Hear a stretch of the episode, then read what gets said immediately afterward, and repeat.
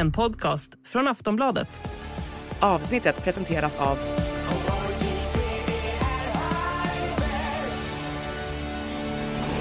Stödlinjen.se, åldersgräns 18 år. That was some fucking Viking comeback. Debris uh, behind. There's something strange with the engine. I need a new that. What the, what the? Yeah, what is this tractor? What is this tractor on track?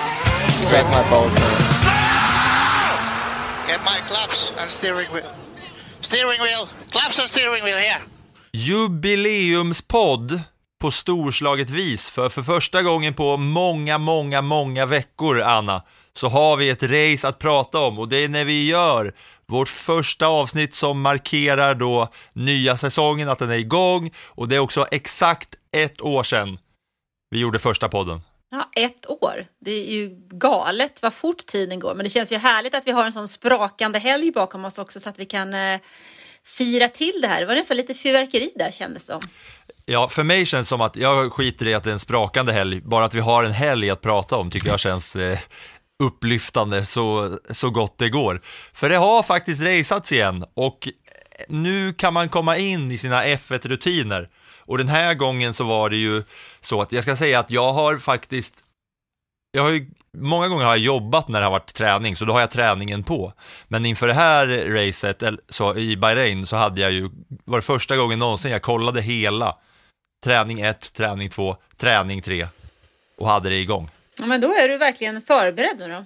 Och peppad framförallt på att säsongen nu lever och är igång. Sen är det väl andra som inte är lika glada över att den här säsongen är igång eh, om jag kollar på hur eh, griden ser ut.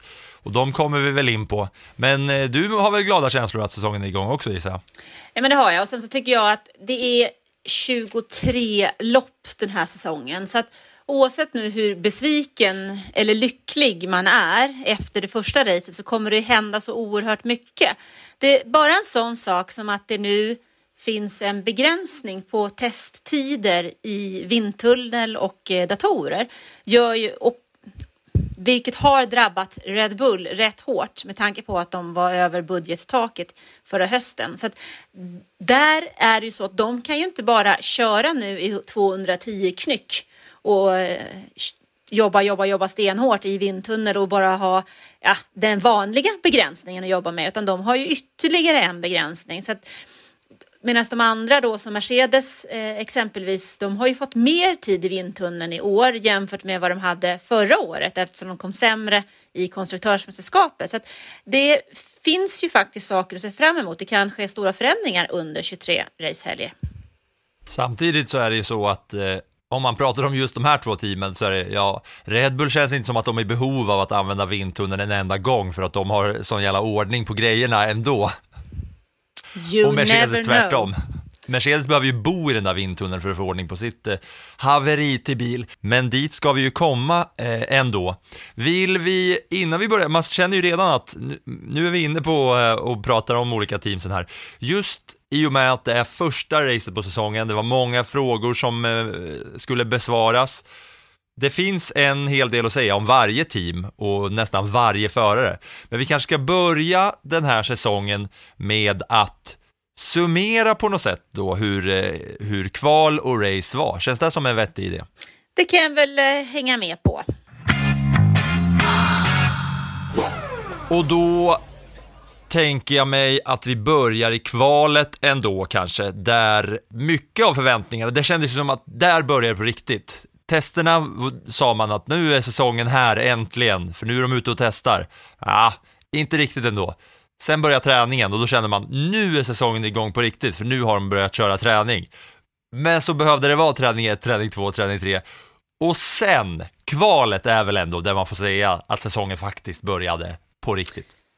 Ja, Men det tycker jag väl. Kvalet är ju ändå någonting eh, speciellt. Q1, Q2, Q3 och precis som vi pratade lite om när vi hade den här chatten inför kvalet så hade ju ett team som McLaren till exempel, de hade det ju lite lätt jobbigt och det var, det var lite på något sätt ändå eh, befriande att se att exempelvis tre stycken nykomlingar kom till, till eh, kvalet ganska upphaussade.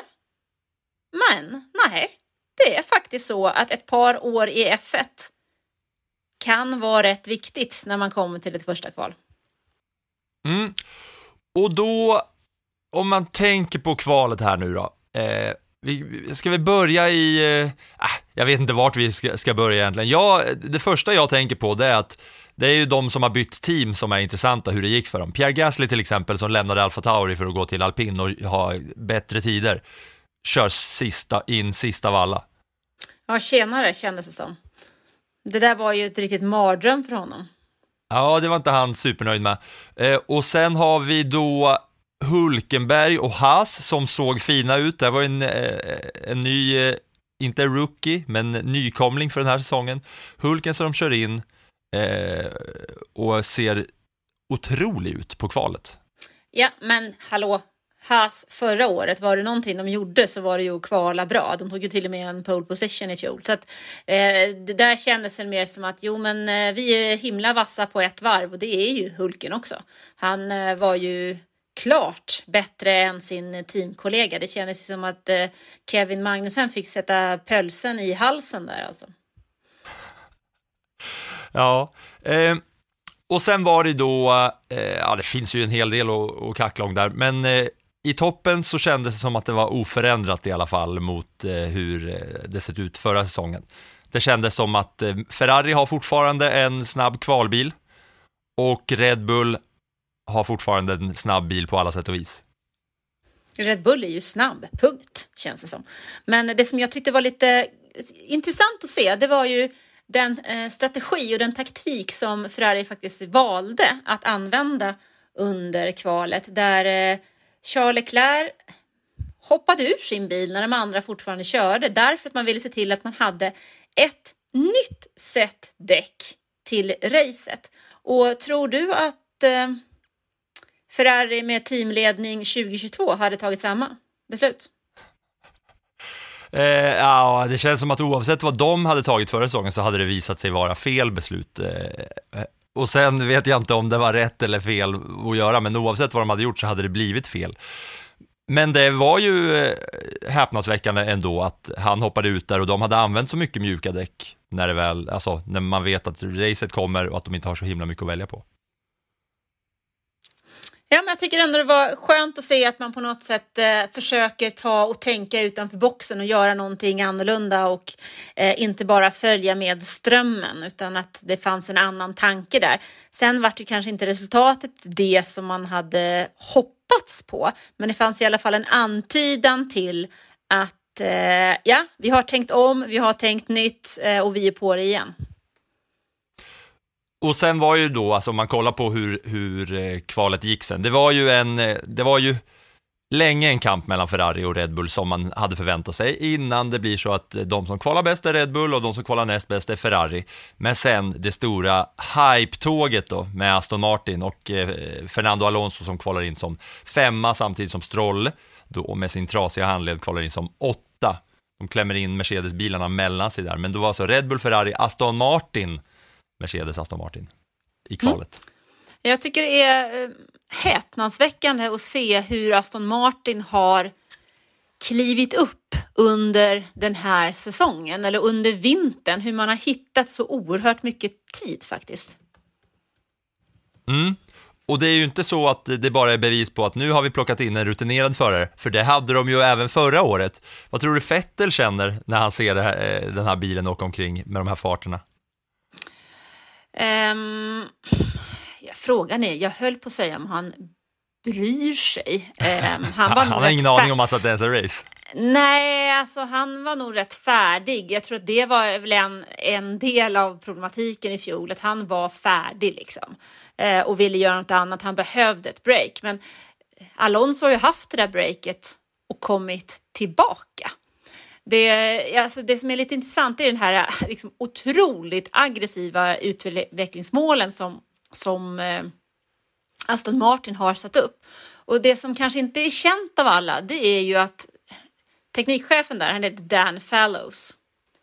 Också bra han, namn. Mm, och han har sin bakgrund, vad tror du? Eh, ja, i Red Bull kanske? Precis. Det är ju därifrån han kommer och han har ju också fått eh, hjälp av en tidigare aerodynamikchef hos Mercedes i utvecklingen av den här bilen så att de har ju plockat ihop folk i det där teamet. Smarta människor, smarta hjärnor som har erfarenhet från andra team som eh, har börjat att bygga och jobba ihop den där bilen som vi för ett år sedan kallade för sköldpadda. Så de har ju gjort någonting som man kanske egentligen inte, tittar man på eh, Mercedes exempelvis så är de ju inte i närheten av det som Aston Martin har lyckats med på den här korta tiden. Och jag tycker att det är otroligt intressant att se att de liksom har eh, plockat ut, plockat ihop, hittat människor, smarta människor där de verkligen försöker att eh, hitta en, ja, vad ska man säga, att de, alltså, de, det är inte bara det att man hittar folket, de hittar ju människorna med ambitionen. Och jag menar Fallows, han kom till Aston Martin för mindre än ett år sedan. Så jag tycker, jag tycker att det känns, det finns som att det finns någonting där plus att det finns ett, eh, en, en eh, ägare med pengar, det kommer in en ny fabrik, en ny förare med Fernando Alonso och sen har man då de här smarta människorna som har tittat, som har jobbat inom andra team inom inte, eh, för inte allt för länge sedan som nu bygger någonting nytt. Mm. Och nu är vi ju fortfarande i kvalet, men så fort man pratar om Aston Martin så blir man ju sugen på att ta sig hela vägen vidare in till racet. Så bara för att snabbt göra en genomgång av hur kvalet gick så var det så att de som åkte ut i Q1, Gasly, De Vries, Piastri, Magnussen, Sargent. Ut i Q2 var Albon, Sunoda, Joe, Bottas, Norris och sen då topp 10 bakifrån Hulkenberg, Ocon, Stroll, Hamilton, Russell, Alonso, Sainz, Leclerc, Perez och Verstappen. Dubbel Red Bull i topp, dubbel Ferrari där bakom. Och redan här, alltså snackisen på hela försäsongen, eller sen testerna, har ju varit att är Aston Martin lika bra som alla snackar om och som den verkar vara? Och det fick man ju svar på när racet drog igång och den såg snabb ut, Aston Martin. Ja, men jag tycker man redan i kvalet fick ett tydligt besked att den här bilen är kvick. Och eh, när vi sen ställde upp oss för eh, start i racet så hade man ju stora förhoppningar på Alonso. Men eh, hans start var väl inte den bästa, plus att han är inblandad i en incident med Stroll. Det är lite roligt där när han ropar över radion. Someone hit me, hit me, hit ja. me. Va, ja, jo, vänta lite, det var din polare som körde in i dig. Han hade svårt med handleden där. Om man ska ta racet då, jag tänker ju att vi, vi behöver ju prata om varje team för sig. Men racet började med en riktigt spännande start där båda Ferrari-bilarna går upp och eh, klämmer sig förbi Perez direkt. Verstappen håller i ledningen länge och sen, eller där i början om man kollar de första varven där, och så var det lite kamper här och där. Men sen vaggas man ganska snabbt in i det här kommer Red Bull ta och det som är så talande och intressant för det är ju att ja, men det gick inte många varv, sen slutade produktionen visa Verstappen ens. När man var på typ så varv 50 så hade man inte sett Verstappen på typ en halvtimme kändes det som, för att det fanns ändå många andra kamper att titta på och man visste ju redan eh, där och då att ja, det är ingen som kommer kunna utmana Verstappen där längst fram, utan man fick se liksom kampen Hamilton mot Alonso och så fick man se bottenkampen, man fick se eh, alla, eh, Lando Norris gjorde sex depåstopp eh, bland annat och mycket mer annat i, i botten. Ja men det var rätt talande tycker jag, för när, när eh, Verstappen går in och byter däck så eh, står det att han har bytt till eh, mjuka däck i grafiken. Men jag tyckte liksom i ögonvrån att det där var minsann inga röda däck. Men så börjar man fundera, men såg jag fel då? Såg jag fel? Men jag kan ju aldrig kontrollera om jag såg rätt eller fel. För han syns aldrig i bild. Nej, exakt. Och det var ju typ då man fick se Verstappen. För annars så var han så långt framför och han gick ju in i depå och så kom han ut ur depå och det var ju ingen som hotade honom överhuvudtaget där ens. Han ledde ju hela vägen. Nej, men alltså det, var, det är ju sådär att den där bilen är ju i nuläget helt överlägsen. Det var ju som George Russell, Mercedes, sa efteråt att eh, de vinner. jag kan slå vad. De kommer att vinna alla race i år. Eh, riktigt så illa tror jag inte att det är, men just nu så är den överlägset. Det, och den, den är så otroligt, i det här läget, på en, det här är en bana i Bahrain som är ganska hård mot däcken. Alltså har man lite problem med däckslitaget så blir det väldiga problem just här. Men, och där verkar det som att Red Bullen är ganska mjuk mot däcken. De har ju nästan inget, eh, inget däckslitage att tala om överhuvudtaget. Medan andra fick slita ordentligt. Så det där kan man ju lura sig lite av och tänka att ska det se ut så här jämt? Men man kommer ju till andra typer av banor, till annan typ av asfalt och då kommer det naturligtvis att bli en, en förändring. Även om och jag det, tror... där, det där tror jag är viktigt att ta med sig. Att det, att det påverkar så himla mycket och det, mycket av snacket har ju varit där att Bahrain är hårt, hårda mot eh, däcken. Men Red Bull hade ju här, de körde ju eh, mjuka mjuka när de gjorde sitt eh, första byte där. Och eh, Verstappen sa ju I'm managing när han fortfarande bara drog iväg sekund för sekund hela tiden och hade sånt jävla försprång mot alla andra. Och han gjorde ju inte ens sitt bästa. Alltså han pushade ju inte ens bilen och däcken Nej, men han behövde inte. Han behövde inte och det finns ju ingen anledning för honom att göra det utan det är bättre att spara på materialet. Lite så här hållbarhetstänk där. Ja, och då blev det nästan en omvänd då från förra året för då var det båda Red Bull-bilarna som fick bryta och sen hade vi då eh, där bakom Leclerc som fick bryta. Om det var hattigt och mycket DNF-igt för Ferrari förra året så börjar det på samma sätt. Ny teamchef, ja, men fortfarande samma eh, reliability-problem. Det där gör ju nästan ont. Alltså jag förstår, han måste varit så himla frustrerad. Så fruktansvärt frustrerad måste han ha varit när eh, han inser att han måste bryta loppet, att bilen bara lägger av. Så enligt Fred Vassör, den nya teamchefen, så vet de fortfarande inte riktigt vad det är som har hänt. Och de kan, inte få något, de kan liksom inte hitta något bra svar på vad det egentligen var, vad som hände. Och det där måste de ju faktiskt ta reda på, för de hade inte någon typ av liknande problematik under testerna. De har liksom ingenting att, att jämföra med och det kan jag tycka känns lite oroväckande när man råkar ut för en defekt som man inte har någon aning om varför. Sen visst, tre dagars testande, det är inte mycket. Men när säsongen då börjar, det kan vara en rätt tung nolla som Leclerc och Ferrari får med sig, för det är inte nog med nu att, att han bröt. Red Bull vann dubbelt. Och det är antagligen där som kampen om konstruktörsmästerskapet kommer att stå. Mm. Dubbelt eh, Red Bull i topp, så blev det ju även. Om vi ska då eh, eh om vi ska gå igenom team för team och känna att eh, vi kommer ju nudda på punkter som hände i racet. Men så som racet slutar är alltså enligt följande, Verstappen etta, tar 25 poäng, Perez tvåa, 12 sekunder bakom Verstappen och sen 38,6 sekunder till bakom så kommer Fernando Alonso och gör ju sitt bästa race i mannaminne tänkte jag säga. Men eh, att Red Bull är så pass överlägsna, det skiljer 11 sekunder mellan Perez och Verstappen och sen 40 sekunder bakom kommer Alonso. Och sen är det Sainz där bakom och så kommer Hamilton, plockar ändå 10 poäng och så är det Lance Stroll som eh, gör en dröm, eh, ja, ett drömrace för honom också va? Och bakom Stroll är det Russell, Bottas, Gasly och i sin Williams, Alex Albon, smyger med och plockar en poäng.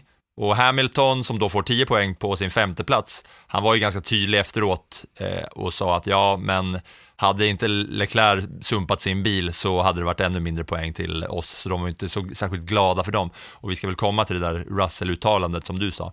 Men är de mer, eh, om, om vi ska bara hänga kvar lite i Red Bull innan vi totalt går vidare ner i eh, ordningen på hur bilarna placerar sig.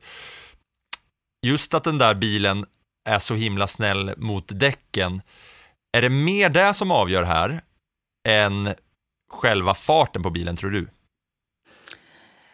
Jag tror nog att just det här däckslitaget är väldigt viktigt där. Sen är det en annan sak också. Det är ju att Perez gör ju en förhållandevis dålig start.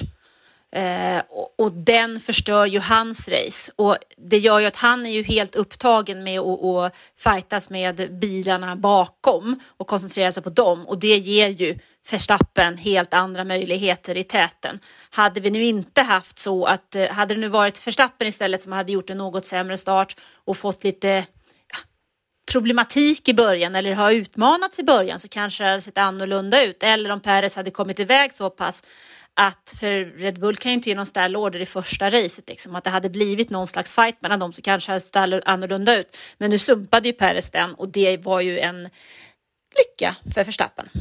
Ja, han blev verkligen squeezad av de båda Ferrari-bilarna där i början.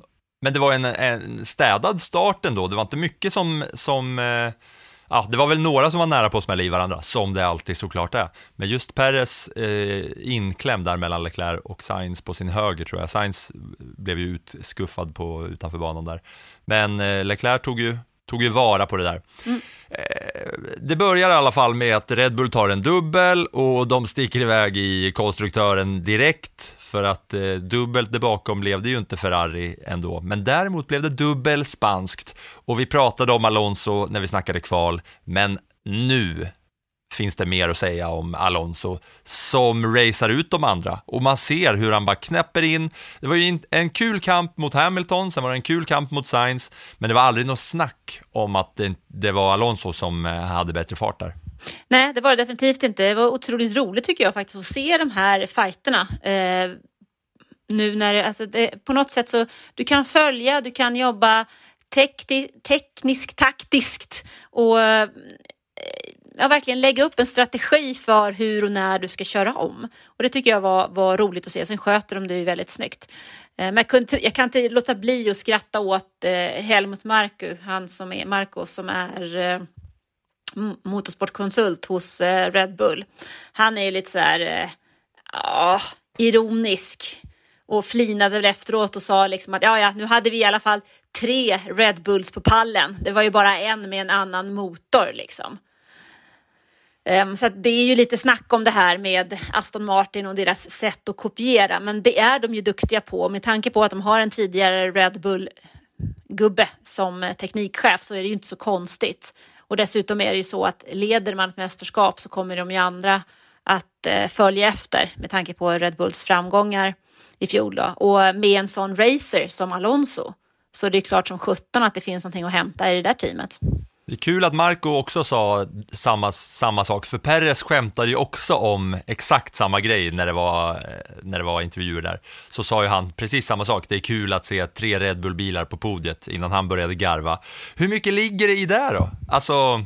Men det där, om... det är ju team, alltså vi kommer ihåg den rosa Mercedesen. Det var ju samma team. De är jätteduktiga på att kopiera och på att ta inspiration från andra. Alltså det sitter väldigt många smarta, duktiga, erfarna människor i det här teamet som har eh, jobbat i andra team och som vet hur saker och ting funkar och dessutom så är de duktiga på att göra mycket med små resurser.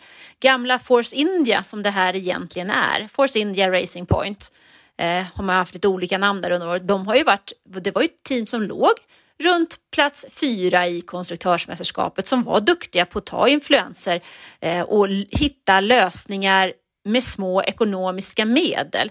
Att hitta lösningar och omsätta dem snabbt. Det var liksom inga månader där innan man fick nyheter på bilen utan man, man ser någonting, försöker hitta en lösning, kör på det på bilen.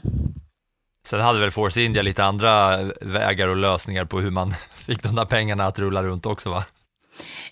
Ja, det är klart, de hade ju periodvis väldigt dåligt med pengar att rulla runt det där teamet i. Men de har ju, det jag menar är att det finns ju en kunskap i det där teamet att skapa mycket med små resurser. Nu har de inte små resurser längre. Lawrence Stroll har gett dem fantastiska möjligheter och stora resurser och då är det ju inte konstigt att man märker resultat snabbt. Nej, och resultatet då som det blir är alltså Alonso på pallen som trea och Stroll som sexa. Det är ju ingenting som man såg dem göra förra året på den eh, nivån där. Och Alonso, alltså, det var ju, Stroll har Stroll eh, eh, är ju inte riktigt lika bra på att köra som eh, Alonso, än så länge. Men han har ju några moment den här helgen som är intressant.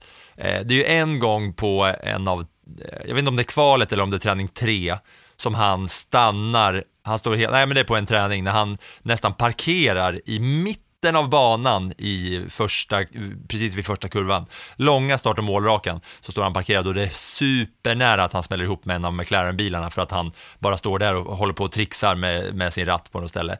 Och sen är det ju i racet som kunde ha lett till en sån himla katastrofstart för Aston Martin när Lance Stroll nästan kör in i Alonso, där som du nämnde där och Alonso ropar att någon smällde in i mig. Han måste väl vetat att det var Stroll där och sen uttalar han sig smidigt politiskt istället.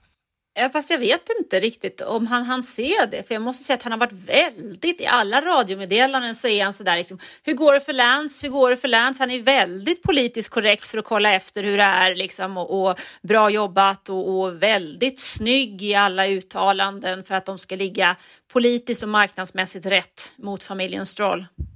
Och han sa ju också efteråt att den stora hjälten den här helgen är ju Stroll som kör med sin eh, skadade hand som han hade opererat och som man såg där han släppte ratten till och med under träningen, att han inte kunde vrida runt helt och hållet. Att vänsterhanden, han kunde inte vrida den handleden så han släppte liksom ratten med vänsterhanden och så kom han tillbaks med den. Precis. Efter den här då Eh, för de som inte har hängt med så var det ju så att eh, han skadade sig på, innan testerna, han ramlade i något litet hål på cykeln och tog emot sig med handlederna, tvingades till operation på den ena och då fick eh, Felipe Drugovic, deras reservförare, köra träningen och det var oklart ifall Stroll skulle köra. Men så dök han upp där, och kör hem en sjätte plats till Aston Martin. Och eh, det här, alltså förra säsongen, det var inte så mycket snack om Aston Martin rent så här medialt vilket intresse det har varit kring det här teamet. Men i år så är det ju verkligen ett eh, totalt hype-tåg där alla pratar om Aston Martin och eh, Alonso. Och Will Buxton, vår eh, Drive to Survive-vän och eh, F1-journalist, han eh, skrev en tweet att, som eh, var nerifrån Bahrain då, att till och med före Alonso kom på podiet så var Alonso-effekten tydlig på läktarna i Bahrain att det var mycket mer grönt i, eh, på läktaren och i fanzone eh, eh, som han någonsin sett utanför Europa. Och eh, så, så han skriver också att ja, efter den här första helgen så kommer det bara fortsätta i den här riktningen. Otroliga nyheter för sporten att eh, Aston Martin kommer upp och blir lika mycket så här en fan favorite. All aboard the hype train avslutar han med. Mm. Jo men Alonso är ju en stor fan. Det minns du väl själv från när du var i, i Spanien där. Alonso. Alltså han har Alonso, ju... Alonso. Alonso. Och sen hon, eh, tjejen som var bakom mig. Alltså ibland, varje, alltså min tjej kollar inte något på F1, men om F1 är på och så hör hon någon säga Sainz eller Alonso, så säger hon alltid för att jag förklarade om hon som satt bakom mig i Spanien. Vamos Carlos, vamos Alonso. Varje varv. Vamos Carlos, Vamos Alonso, exakt samma tonfall. Ja, mm. det var, men där var ju hemmabana och mycket fans. Jo, men Alonso har ju, alltså han ju, har ju kört F1 sedan 2001, han har två VM-titlar 2005 och 2006, han har kört för Ferrari, han har kört för McLaren. Alltså han är en stor favorit. Han har kört Le Mans, han har vunnit Le Mans 24 timmars lopp. Alltså, det finns inte många förare i historien som är så pass stora som Alonso. Ändå har han bara, nu säger jag bara, vunnit två VM-titlar. Det är faktiskt lika mycket som Max Verstappen. Men den här bilen då, som de skämtar om att den är så lik Red Bull, vart, vart går liksom gränsen för hur lik den får vara för sådana här extremt tränade ögon då? Fattar du, fattar alltså, du vad, jag, vad jag undrar ja, över? Men hur lik den får vara, den får ju inte vara, den kan, får inte vara kopierad, men du kan ju hitta samma lösning. Det som, men i det här fallet så är ju grejen att den egentligen, egentligen så är den ju mer lik en Mercedes. Det är det som är så knasigt. För att de har ju samma växellåda som Mercedes. De har samma motor som Mercedes. De använder samma vindtunnel som Mercedes. Det är, alltså Toto Wolf var ju helt eh, frågande efteråt hur det kunde skilja så pass på Aston Martin och Mercedes. han, han förstår liksom inte vad det är som vad det är skillnaden. För han, han menar på att det finns så många paralleller. Men de har hittat två sekunder på sex månader och de har samma grund som vad vi har. Hade vi haft problem med hjulupphängningen så hade Aston Martin haft samma problem. Så det kan det ju inte vara. De vet inte vad skillnaden är, men det här är ju Aston Martin och Mercedes har ju väldigt många likheter i det sättet som de jobbar, framförallt när man tittar på motor och växellåda och vindtunnel. Så att eh, kopia mot Red Bull, ja, den ser väl kanske liknande ut, men det är väl inte så konstigt. Man tittar väl på det som är bäst och gör ungefär likadant. Och mm. Aston Martin var ju tvungna att göra om hela sitt koncept. Alltså det var ju verkligen Skalman med mat och sovklockan i början av förra säsongen. De fick ju bara kasta allting och göra nytt. Och för att göra en smidig övergång då mellan de här teamen som vi faktiskt har pratat om, Mercedes och kasta allt och börja om på nytt. Det är lite den känslan man får om vi är redo att lämna Aston Martin för att gå till eh, nästa team som är Mercedes. Så är det ju så att det känns som att den här bilen snart är ett minne blott. Och jag undrar, hur mycket kan man göra om? För att Mercedes har ju ingen downforce överhuvudtaget. De får ju ingen fart eh, i svängarna och eh, är långt efter på alla sätt och vis. De hade ju eh, inte ens bara med Mercedes mått mätt en katastrofhelg, utan för ett vilket toppteam som helst en katastrofhelg. Nu blir de femma och sjua, men Russell är liksom en minut bakom. Ja, alltså eh, Toto Wolf igen då. Han sa ju att eh, han tror ju inte att det här paketet som man har nu kommer att kunna konkurrera med någonting. Så han är ju öppen för att ha ett möte med ingenjörerna och som han sa på tyska då, eh, det finns inga heliga kor längre. Nu gäller det verkligen att vi, eh, vi vill inte ha några politiskt korrekta svar utan nu måste vi bestämma oss för i vilken, utriktning vi, eller vilken inriktning vi ska ta för att den här bilen ska kunna konkurrera igen. Och han räknar med att man ska kunna ha ett nytt koncept redo till Imola den 21 maj. Det är säsongens sjätte lopp. Så fram till dess får man väl halka, hanka sig fram då. Och ett nytt koncept då? Alltså det man med ett otränat öga ser om man tittar på, jag tänkte på när du eh, gjorde jämförelsen Mercedes, Aston Martin, att de har mycket liknande komponenter, att motorn och växellådan är samma. Men när man tittar på sidepodsen till exempel, så är det ju där som Mercedes eh, inte ser ut som någon annan bil, eller framförallt där alla andra bilar ser typ likadana ut och Mercedes eh, har gått en helt annan väg med liksom smala sidepods som, som går ner medan de andra har liksom, de är, det är som breda orangutang-nackar eh, eller eh, ja, vad heter den här triceratops-dinosaurien eh, med en stor sån sköld, tänker jag ofta på när jag ser Mercedes, eller Ferrari ovanifrån till exempel. Eh, eller sa jag fel dinosaurie nu? Skulle min vän Joel Andersen som älskar eh, dinosaurier nästan slå mig i, i plytet? Nej, jag tänkte på triceratops. Klassisk dinosaurie. så, så ser i alla fall eh, Ferrari ovanifrån, men Mercedesen är liksom, den är smal på sidan, nu gör jag med mina händer här. Eh, och får de ändra, får de liksom komma med helt nya sidepods till exempel? Mercedes, till Imola. Ja, men så länge de håller sig inom det reglementet som finns så får de göra de ändringarna som de kan göra. Det finns ju ett, ett regelverk som alla måste jobba efter och eh, de måste ju också göra, det beror på alltså hur, man gör ju ett, ett man måste göra ett krocktest för själva cockpiten eller monokocken som man heter för att den ska vara godkänd. Du kan ju ändra så länge du håller dig inom det regelverket och att allting är godkänt. Men det är inte så jättelång tid kvar så att antingen så har de ju börjat med någonting som inte har kommit ut än, men de hann inte klart för de hade så svårt.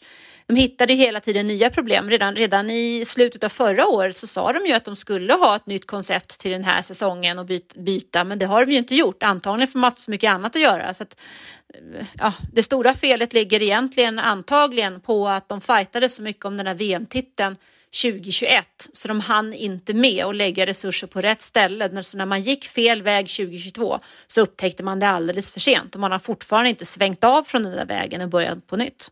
De hade för länge för stor tro på att de skulle få ordning på det. Ja. Men att de tidigare kanske skulle bara reagerat som helvete, vi gick bort oss här, nu gör vi om och gör rätt. Men de, de kept the faith. De skulle ha gjort som Aston Martin, gör om, gör nytt i april för ett år sedan. Mm. Ja, och racemässigt så, alltså båda de här två Mercedes-förarna eh, hade ju mycket intressant radiokommunikation när de klagade på eh, det ena och det andra. Och nu när, det, när de var, alltså när Hamilton raceade mot Alonso så såg det ju inte ut som att det var en av de bästa genom alla tider mot, eh, som skulle liksom försvara sig, utan det kändes ju verkligen som att Aston Martin och Alonso Eh, var så himla mycket bättre. Och det finns många roliga, eller inte roliga med Mercedes ögon, men det finns en hel del citat från den här helgen. Du var inne på det, Russell bland annat. Eh, Russell som var extremt uppgiven efteråt och sa att eh, ja, Red Bull, de har sytt ihop det här mästerskapet nu, det kommer inte finnas någon som kommer kunna fightas med dem. Eh, jag förväntar mig att de vinner varje race hela säsongen, det är vad jag bettar på. Med det här, eh, med det här performance som de har här, så finns det ingen som kan utmana dem. Toto Wolff sa ju också, det här var en av de värsta dagarna i racing, one of the worst days in racing. Och så sa han också om, om eh, Mercedes att det finns inte en enda enstaka positiv sak att ta med från den här racehelgen. Vi har ingen fart, eh, våra förare eh, måste pusha och då skiter det sig för däcken. Red Bull är på en annan planet, Aston Martin har den näst snabbaste bilen. Det här var ett riktigt wake-up call för oss. Det är rätt tydligt va? Ja, jag tycker inte att det finns så mycket mer att säga just nu, för de säger det så bra själva. Ja, klart och tydligt att de är extremt uppgivna, men då ska man hålla ögonen öppna när det närmar sig Imola då, för att eh, det vore ju kul att se, alltså, jag vet inte hur ofta det är, eller hur vanligt det är att det, mitt under säsong, det kommer då inom citationstecken en helt ny bil av något team. Det händer. Man kan se det klart och tydligt.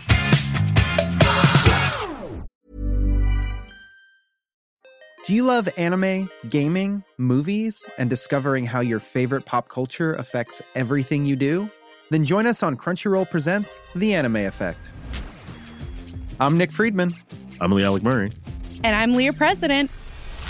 Every week, you can listen in while we break down the latest pop culture news and dish on what new releases we can't get enough of. Whether you love movies, I'm going to tell you all about the uh, hopeful 4K re release of Tron Legacy that happens. I'm right there with you. Or music. The music in this show Yeah. is absolutely Yeah. incredible. Or anime. And under this mask is another mask. you can discover your new favorites right here on The Anime Effect. Listen every Friday wherever you get your podcast and watch full video episodes on Crunchyroll or on the Crunchyroll YouTube channel.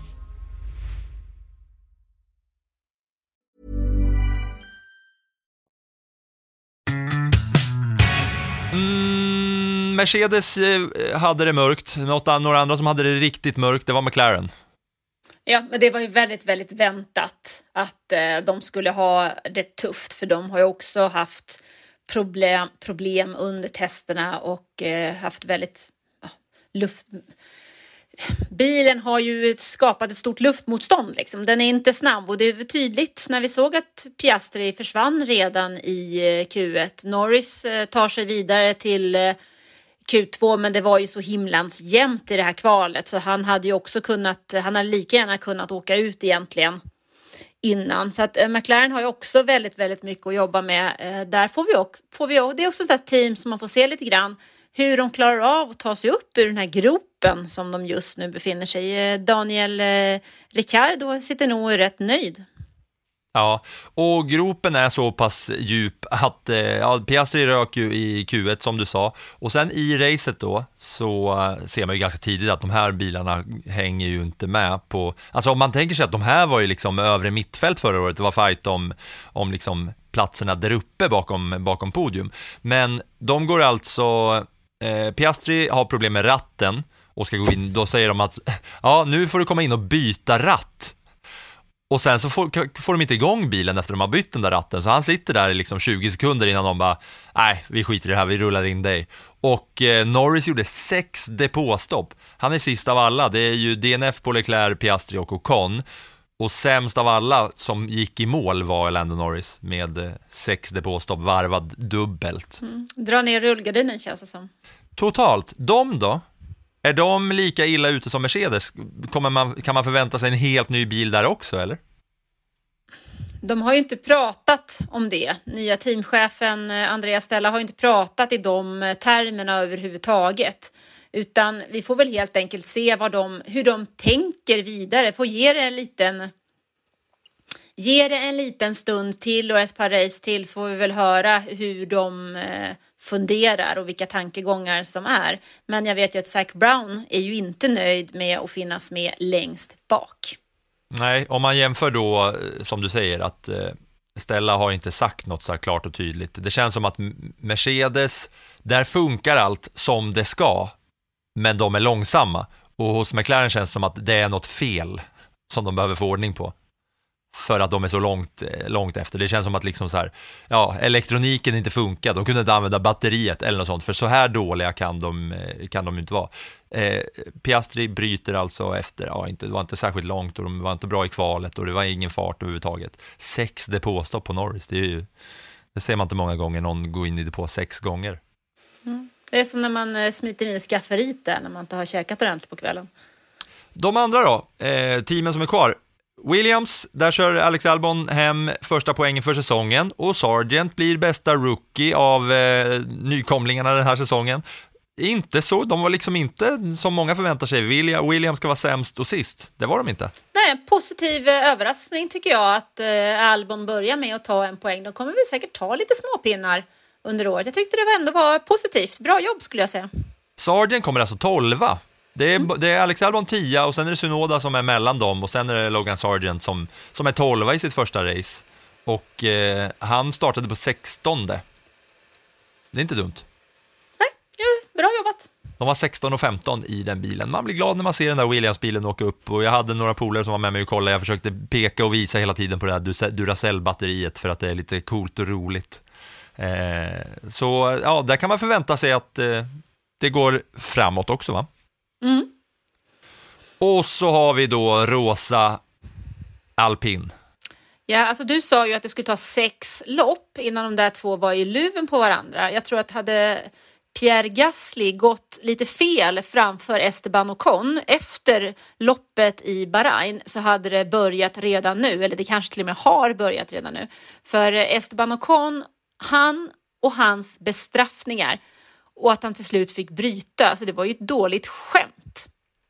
Mm. Inte, inte och, och vad var det han, stod, gjorde då? Ja, men han, stod ju, han började med att stå fel när han skulle starta. Han stod inte i startrutan och då fick han plus fem sekunder. Så skulle han in och ta det där straffet i depån. Men då började de jobba för tidigt på bilen, så då får han bestraffning på bestraffning. Och sen så kör han för fort i depån.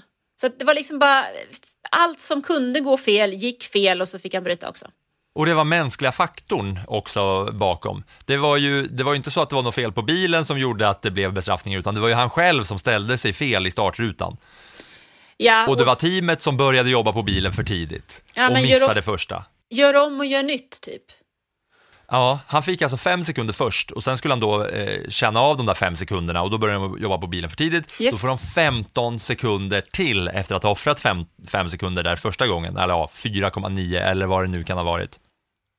Ja, nej men det var bara så, gör om och gör nytt. Det funkar inte alls. Och Gasly då, han hade det lika tungt under kvalet och sen så gör ju han ett bra race å andra sidan så han kör upp sig till en nionde plats vilket ändå ger poäng till teamet. Men det är ju för dåligt för alpin som ju var ett positivt team i fjol. Ja, Gasly som sagt sist i kvalet eh, och med, ja, det, det funkade väl okej okay för han ändå, men det var ju ett par DNFs där bakom och det var mycket haveri på andra bilar eh, som eh, gjorde att han hamnade där han hamnade. Men eh, det känns som att det blev en okej okay helg för Gasly, en katastrofhelg för teamet. Men för, för, för teamet är det verkligen katastrof. Vi kommer ihåg att när, vi var, när de var på testerna här för några veckor sedan så sa de ju att det kommer en uppdatering, ni kommer att se skillnaden. Eh, de körde inga speciella saker, alltså de gjorde ingenting som man uppmärksammade under testerna överhuvudtaget. De gjorde inga simuleringar, men det skulle komma och de var nöjda och det skulle komma så mycket mer. Ett team som var fyra i VM i november och nu så håller man på och klantar till sig och den ena, tar bort den ena bilen och kör in två poäng med den andra eh, efter att ha startat sist. Det är en fin uppkörning av eh, Gasly men totalt sett så är det ju långt under förväntningarna för alpin. Haas, Alfa Romeo och Alfa Tauri, har, du, har vi ens något vi vill säga om dem eller?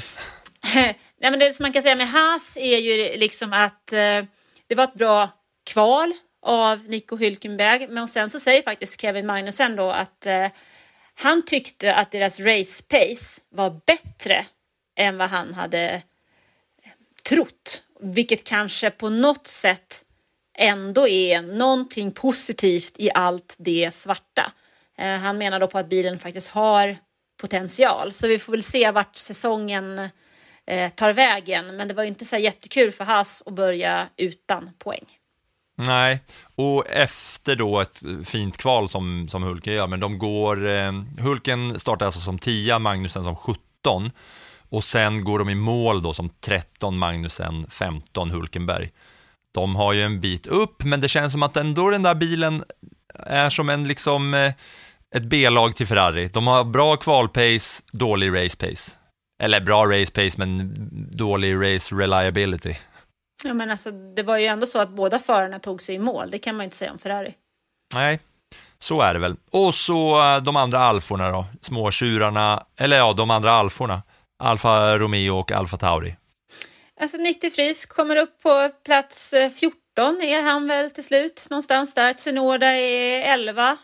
Platsen utanför poängen precis. Jag tycker att eh, Valtteri Bottas gör ett bra race i sin eh, Alfa Romeo återigen och kör in på poäng. Han eh, leder ju verkligen det där teamet, tycker jag.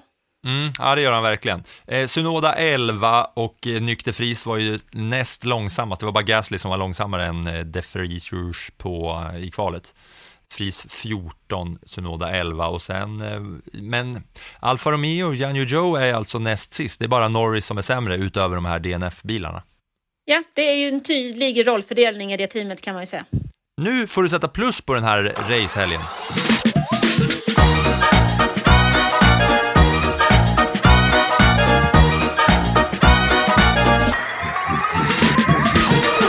Anna Andersson plussar Bahrains GP. Det gör jag väl gärna då. Då börjar jag med ett plus.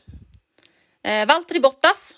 För jag tycker att det är starkt av honom att eh, kör, ligga så pass långt upp och plocka de eh, sex när man säger, fyra poäng plockar han in redan i säsongens första lopp. Och med tanke på att han tog 49 av teamets 56 poäng i fjol så är han väl på rätt väg. Sen tycker jag två poäng går faktiskt till Pierre Gasly som kör från eh, tok sist till plats nio, för det gör han bra. Tre poäng går... Plus! Det är plus. Du Ja, jobbar på poäng. Aftonbladet, Anna. Du har jobbat på Aftonbladet i 28 år. det, vi, på Aftonbladet delar vi ut plus, inte poäng. Ja, det bara för jag hade VM-poängen framför näsan. Plus ska det naturligtvis vara. Eh, tre plus. Eh, nu tappar jag helt konceptet. Nu får du klippa, vad fan. Så, de tre plussen, bra. Sergio Perez, jag tycker han gör en eh, bra helg, även om det kanske är så att det eh, är lite miss i hans start, för det är där som han tappar sitt race egentligen. Eh, fyra plus går till Max Verstappen.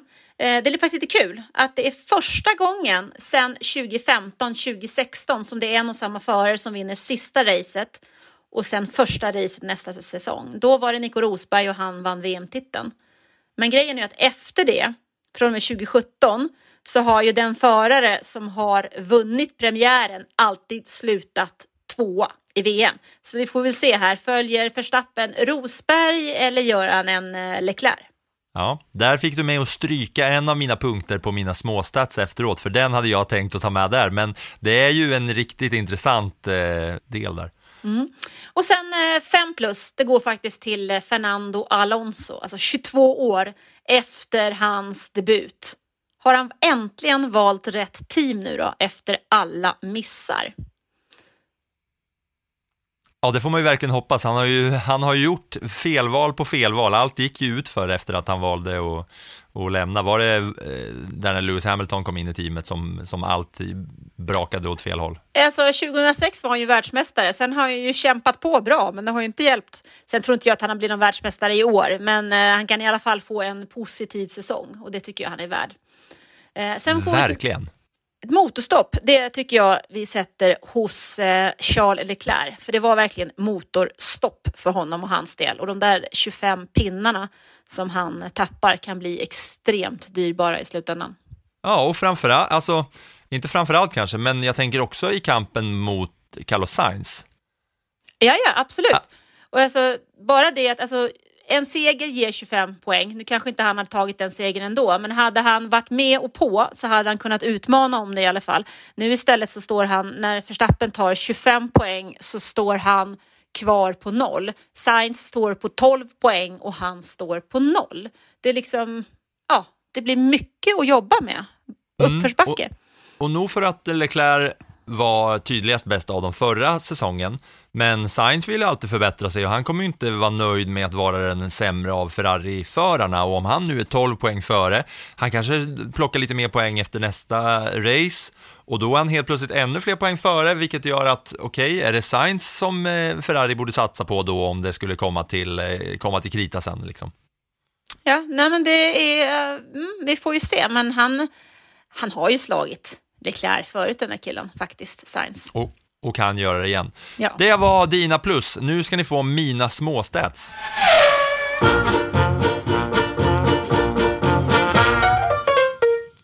Och då utöver det där med första och eh, sista loppet som du nämnde så är det så här att efter den här Aston Martin-helgen så har de nu, bara efter ett race, tagit 41,8% av poängen som de tog över hela säsongen förra året. Så de har nästan tagit hälften av alla poäng i ett race mot vad de gjorde en hel säsong. De tog 55 poäng förra säsongen och den här helgen plockar de 23 poäng. Det är inte illa pinkat på farstublocket. Nej, bra. Bra samlat. Ja.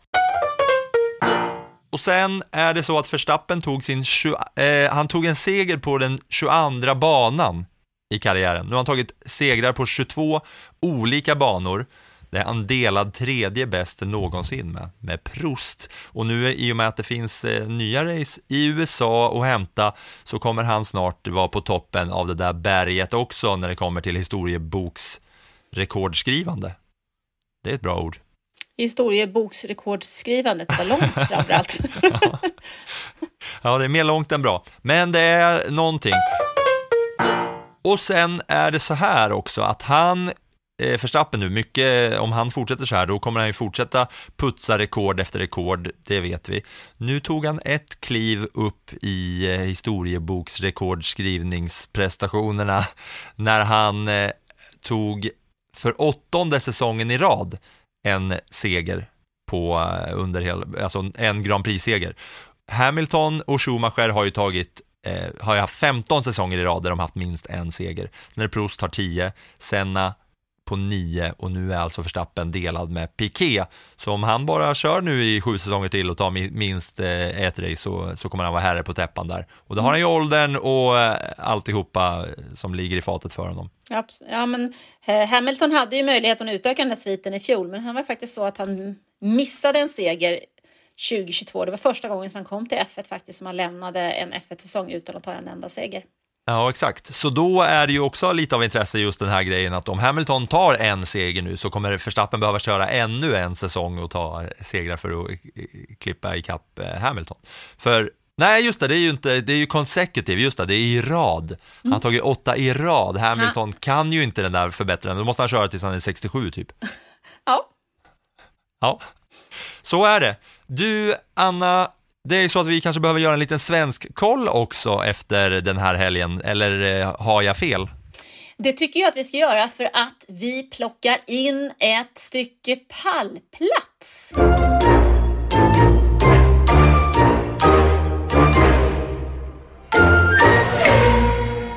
Ja, det är ju, det är ju en bra svensk helg i, i racingvärlden. En riktigt, riktigt bra racehelg alltså. En, eh, en pallplats på Dino Beganovic i premiären av FIA Formel 3. Stort grattis! Ja, verkligen. Sett till, eh, ska vi se vad han ligger till i mästerskapet då efter första helgen. Han kom fyra i sprintracet. Just det, fyra i sprintracet precis utanför pallen. Mm. Och trea i race två, vilket gör att han är trea totalt fyra poäng efter ledaren i FIA Formel 3. Så den ska vi hålla koll på under året. Ja, verkligen. Och då var det hans första F3-race och då kommer, det känns ju som att det talar för att han kommer vänja sig mer vid bilen, vid farterna, vid hur det funkar i den organisationen och det finns ju många möjligheter att, för, liksom att han vänjer sig och förbättrar sig.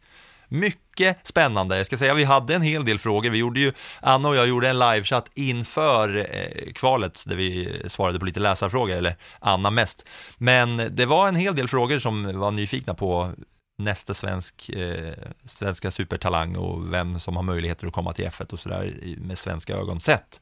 Vi fortsätter hålla koll på Dino.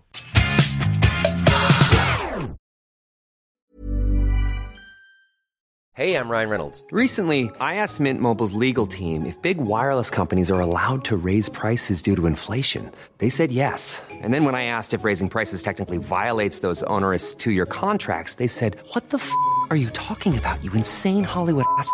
So to recap, we're cutting the price of Mint Unlimited from $30 a month to just $15 a month. Give it a try at mintmobile.com slash switch. $45 upfront for three months plus taxes and fees. Promo rate for new customers for limited time. Unlimited more than 40 gigabytes per month. Slows. Full terms at mintmobile.com.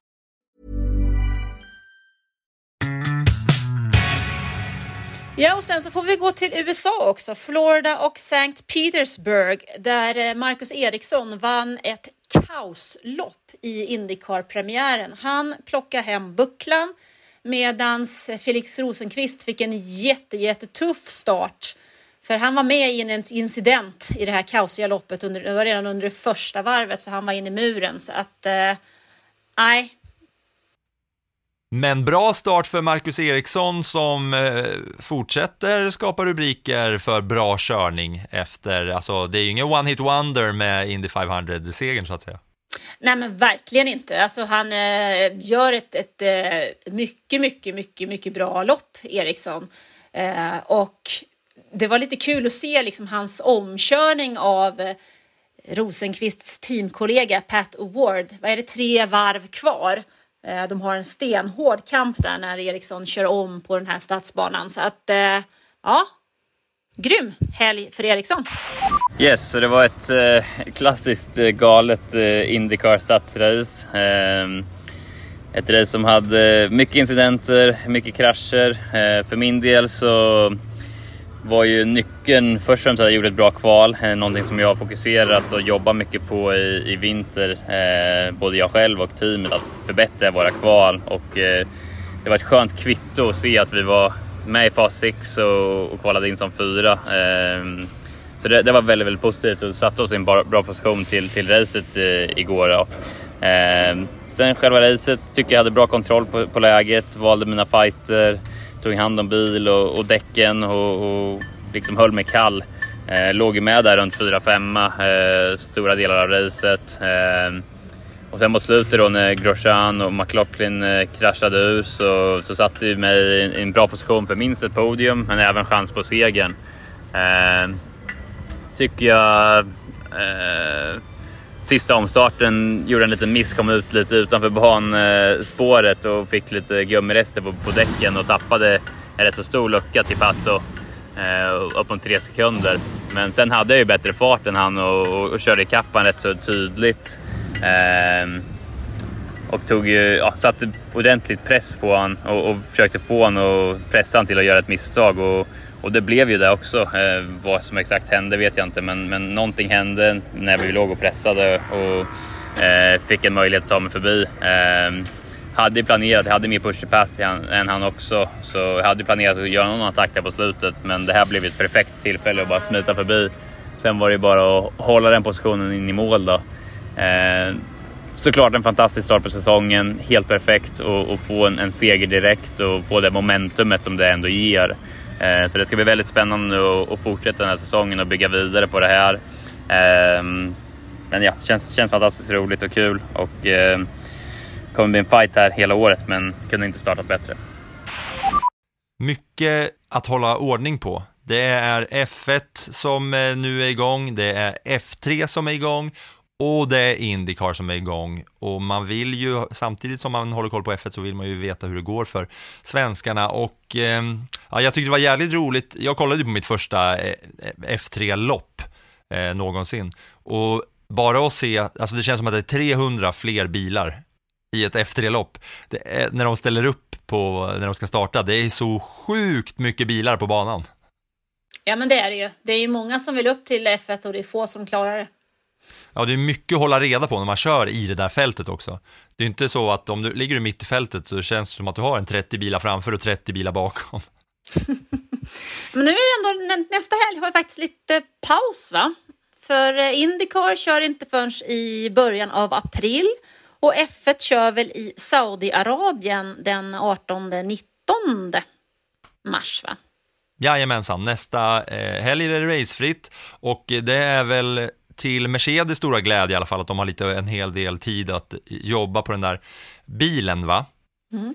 Men du, racefritt betyder ju inte att vi har ledigt så att eh, vi kommer väl tillbaka om eh, en vecka, är det så? Det kommer, vi, kommer, finnas lite eftersläntrar att skrapa ihop och, och snacka om lite eftersnackisar efter första helgens race. Det kommer ju eh, hända en hel del ändå.